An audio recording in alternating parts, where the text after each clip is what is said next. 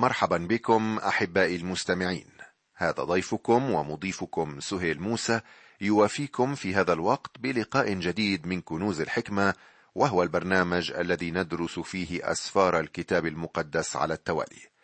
ولا نزال بصدد دراسة سفر التكوين الذي كتبه النبي موسى.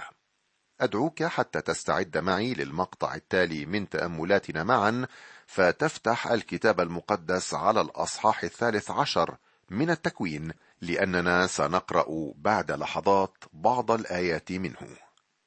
كنا في الماضي مع إبراهيم الذي كان في حران مكان التأجيل ثم انتقل إلى المكان المناسب إلى الأرض التي سيعطيها إياه الرب وهناك ظهر له مرة أخرى. وبنى أبرام أول مذبح للرب وكان المذبح الوحيد الذي يعترف به الرب في كنعان وهو يشير إلى عبادة الله. ثم أتت الزلة. كان الله يريد أن يمتحن إيمان أبرام.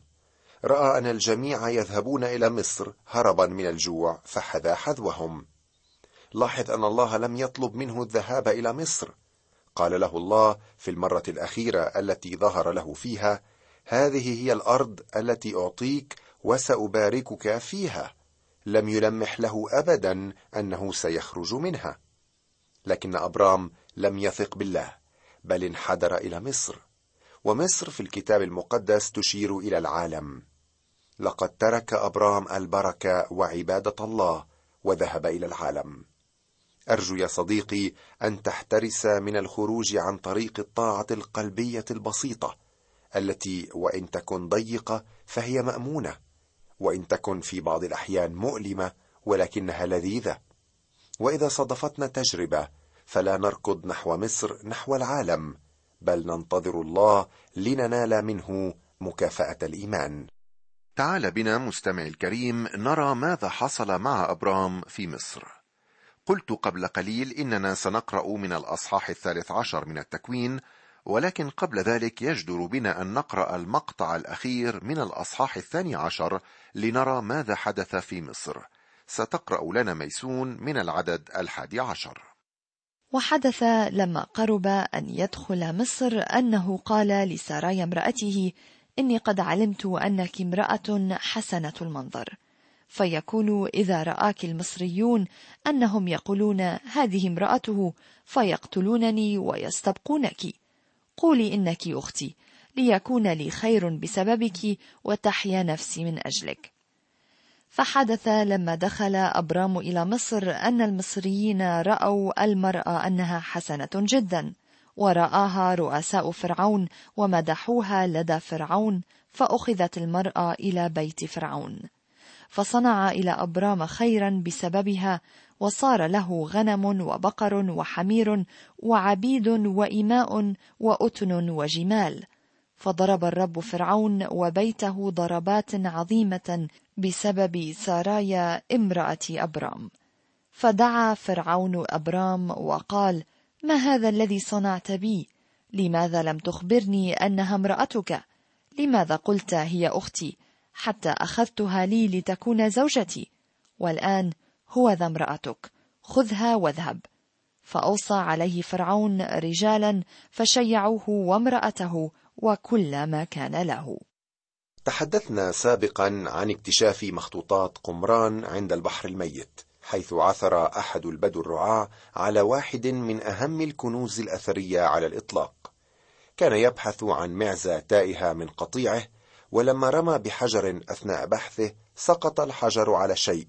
بداخل الكهف محدثا دويا عاليا. فاندفع بفضوله ليعرف مصدر الصوت ظنا منه أنه وجد كنزا. فعلا لقد وجد كنزا ولكن ليس حسب توقعاته. وجد أوان فخاريه كبيرة تحتوي على لفائف من الجلد عليها كتابات لم يستطع قراءتها. ولما كانت الاواني مغلقة بإحكام فقد بقيت المخطوطات في حالة ممتازة لمدة 1900 سنة. وقد عثر هناك على مخطوطات استطاعوا أن يقرأوا اسم لامك عليها فدعوا ذلك الجزء سفر لامك واعتبروه من الأسفار غير القانونية. طبعا هذا خطأ. بعد ذلك وجدوا المخطوطات التي تحتوي على الإصحاحات من الثاني عشر وحتى الخامس عشر من سفر التكوين. ليس حرفيا كما في النص الأصلي ولكن كتابات تفسيرية للنص. وتذكر هذه المخطوطات عن جمال سراي وتصفها بالتحديد وهذا الوصف يؤكد ما جاء في سفر التكوين. وهذه المخطوطات نفسها تصف استكشاف أبرام عندما طلب منه الرب أن يمشي في الأرض طولها وعرضها وهي تؤكد ما جاء في الكتاب حول خصوبة الأرض وجمالها. لربما تغيرت الأحوال الآن عما كانت عليه زمن أبرام سندرس ذلك عندما نصل إلى سفر التثنية. نعود إلى أبرام الذي اقترب من مصر وكان عالما بأنه سيواجه مشاكل بسبب جمال سراي لذلك قال لها قولي أنك أختي ليكون لي خير بسببك وتحيا نفسي من أجلك. كانت هذه نصف كذبة وهي أحيانا أسوأ من كذبة كاملة. كانت مخاوف أبرام في محلها لأن فرعون أخذ سراي. فقد كانت تجري في تلك الأيام الاستعدادات لاختيار ملكه. ولكن الله ضرب بيت فرعون بالأوبئة وعرفه أنه لا يجب أن يأخذ سراي زوجة له. فدعا فرعون أبرام وقال ما هذا الذي صنعت بي؟ لماذا لم تخبرني أنها امرأتك؟ لماذا قلت هي أختي حتى أخذتها لي لتكون زوجتي؟ والآن هو ذا امرأتك خذها واذهب. فأوصى عليه فرعون رجالا فشيعوه وامرأته وكل ما كان له. لربما رأينا هنا فرعون في يد الرب ولكن للأسف نرى أيضا منظر رجل الإيمان في موقف الخجل ويا له من إذلال حيث نرى العالم ذاته يعير أبرام. وماذا عساه يقول؟ لقد دخل مصر بدون الله والآن ها هو يخرج منها بدون كرامة. أخذ اموالا ولكنه حصل أيضا على توبيخ من رجل وثني. وفي كل هذا كان الله يسود في حياة أبرام وسراي ولكنه لم يظهر له ابدا وهو في مصر. في الأصحاح الثالث عشر الذي سنباشر بدراسته الآن نرى عودة أبرام من أرض مصر. يترك أبرام ولوط مصر ويرجعان إلى أرض الموعد. ينفصل لوط عن أبرام ويذهب إلى سدوم ثم يظهر الله لأبرام للمره الثالثة. ما دام أبرام في مصر وما دام متمسكا بلوط لم يكن ليظهر له الرب. بعد التواجد في الأرض والانفصال عن لوط ظهر له الرب. افتح معنا صديقي المستمع على الأصحاح الثالث عشر من سفر التكوين لنقرأه سويا. فصعد أبرام من مصر هو وامرأته وكل ما كان له ولوط معه إلى الجنوب. وكان أبرام غنيا جدا في المواشي والفضة والذهب وسار في رحلاته من الجنوب إلى بيت إيل إلى المكان الذي كانت خيمته فيه في البداء بين بيت إيل وعاي إلى مكان المذبح الذي عمله هناك اولا. ودعا هناك أبرام باسم الرب. ولوط السائر مع أبرام كان له أيضا غنم وبقر وخيام ولم تحتملهما الأرض أن يسكنا معا. إذ كانت أملاكهما كثيرة فلم يقدرا أن يسكنا معا. فحدثت مخاصمة بين رعاة مواشي أبرام ورعاة مواشي لوط. وكان الكنعانيون والفرزيون حينئذ ساكنين في الأرض. فقال أبرام للوط لا تكن مخاصمة بيني وبينك وبين رعاتي ورعاتك لأننا نحن أخوان. أليست كل الأرض أمامك؟ اعتزل عني. إن ذهبت شمالا فأنا يمينا وإن يمينا فأنا شمالا. فرفع لوط عينيه ورأى كل دائرة الأردن أن جميعها سقي قبل ما أخرب الرب سدوم وعمورة كجنة الرب كأرض مصر حينما تجيء إلى صغر. فاختار لوط لنفسه كل دائرة الأردن وارتحل لوط شرقا فاعتزل الواحد عن الآخر. أبرام سكن في أرض كنعان ولوط سكن في مدن الدائرة ونقل خيامه إلى سدوم. وكان أهل سدوم أشرارا وخطاة لدى الرب جدا. وقال الرب لأبرام بعد اعتزال لوط عنه ارفع عينيك وانظر من الموضع الذي أنت فيه شمالا وجنوبا وشرقا وغربا لأن جميع الأرض التي أنت ترى لك أعطيها ولنسلك إلى الأبد. وأجعل نسلك كتراب الأرض حتى إذا استطاع أحد أن يعد تراب الأرض فنسلك أيضا يعد. قم امشي في الأرض طولها وعرضها لأني لك أعطيها.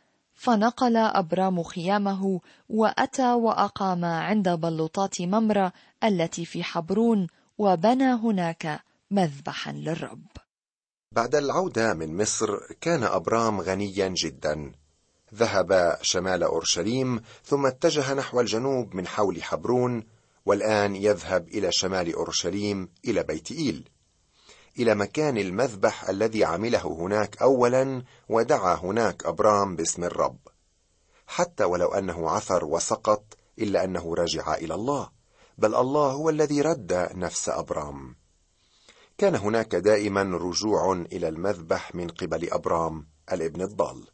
وكل من يريد الرجوع إلى الله فإنه يجده فاتحا ذراعيه في استقباله. وهنا أتذكر قول المرنم في القديم يرد نفسي يهديني إلى سبل البر من أجل اسمه. كذلك يقول يوحنا إن اعترفنا بخطايانا فهو أمين وعادل حتى يغفر لنا خطايانا ويطهرنا من كل إثم. لكن المشكلة الآن مع أبرام ليست الثروة بل رفيقه الذي لم يكن سائرا بقوة إيمانه. بل كان فقط متاثرا بإيمان أبرام. ولوط السائر مع أبرام كان له أيضا غنم وبقر وخيام. ولوط جمع له ثروة جيدة من مصر كما فعل أبرام. ولم تحتملهما الأرض أن يسكنا معا إذ كانت أملاكهما كثيرة. فلم يقدرا أن يسكنا معا. فحدثت مخاصمة بين رعاة مواشي أبرام ورعاة مواشي لوط.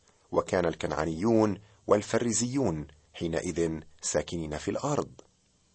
كلمة الرب رائعة يا صديقي لو سمحت لها أن تكلمك. لاحظ أن أبرام حصل على شيئين في مصر سببا له الحزن. الغنى من جهة والخادمه هاجر من جهة أخرى والتي سنتحدث عنها فيما بعد. لكن الآن نرى غناه يسبب له مشاكل مع لوط وينتج عن ذلك المخاصمة والانفصال.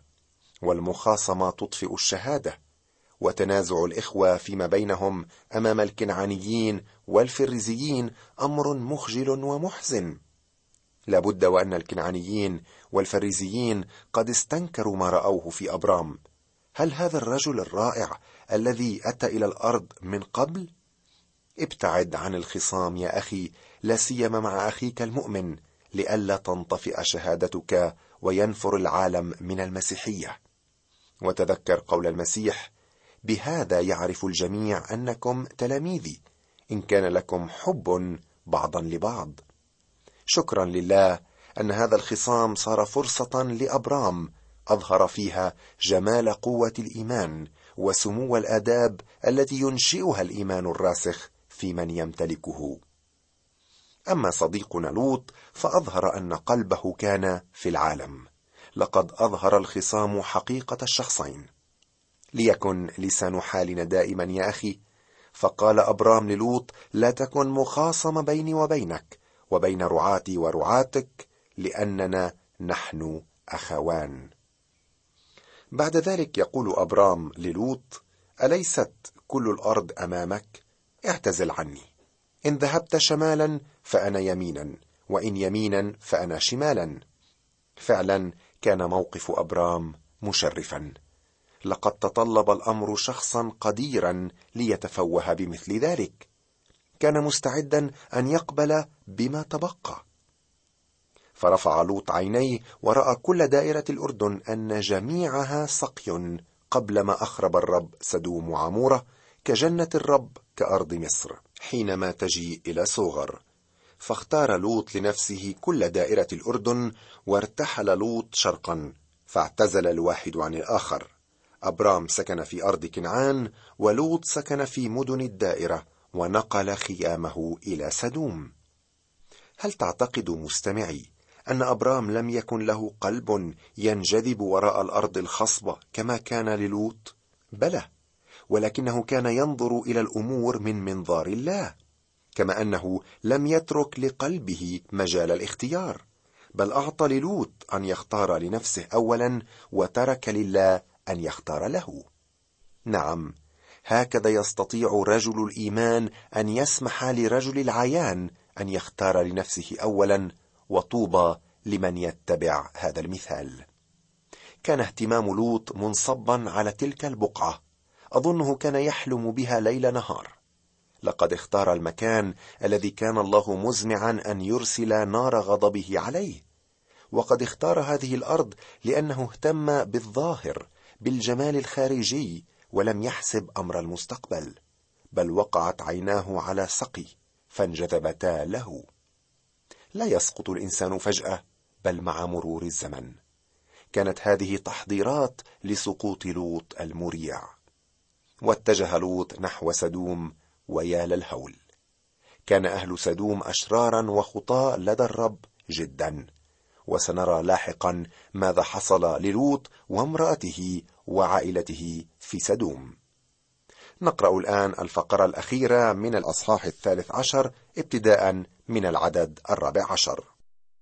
وقال الرب لأبرام بعد اعتزال لوط عنه ارفع عينيك وانظر من الموضع الذي أنت فيه شمالا وجنوبا وشرقا وغربا لأن جميع الأرض التي أنت ترى لك أعطيها ولنسلك إلى الأبد. وأجعل نسلك كتراب الأرض حتى إذا استطاع أحد أن يعد تراب الأرض فنسلك أيضا يعد. قم امشي في الأرض طولها وعرضها لأني لك أعطيها. فنقل أبرام خيامه وأتى وأقام عند بلوطات ممرة التي في حبرون وبنى هناك مذبحا للرب. هذا هو ظهور الرب الثالث لأبرام. لقد أعد الله ارضا رائعة ليعطيها لأبرام وحدد مساحة هذه الأرض. وهنا نرى أن الخصام لم يضيع على أبرام شيئا من امتيازاته الروحية. بل صار فرصة لإظهار ما يخبئه الله له من الخير وكان سبب تقوية نفسه في حياة الإيمان كما أنه تخلص من رفقة رجل كان معطلا له. فعلا الذي يصبر إلى المنتهى فهذا يخلص يقول الكتاب. ومنذ ذلك الوقت ابتدأ الرب يظهر ليس لأبرام فقط بل ولسائر الآباء أيضا. هكذا يقول الله للمؤمن. ارفع عينيك وانظر إلى السماء التي ستكون من نصيبك. أرجو أن تكون سماء الله من نصيبك مستمعي.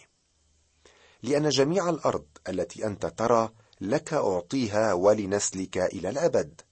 وأجعل نسلك كتراب الأرض. حتى إذا استطاع أحد أن يعد تراب الأرض فنسلك أيضا يعد. نرى الله هنا يعطي الأرض لأبرام وهو فيها. ويؤكد له عن كثرة ذريته.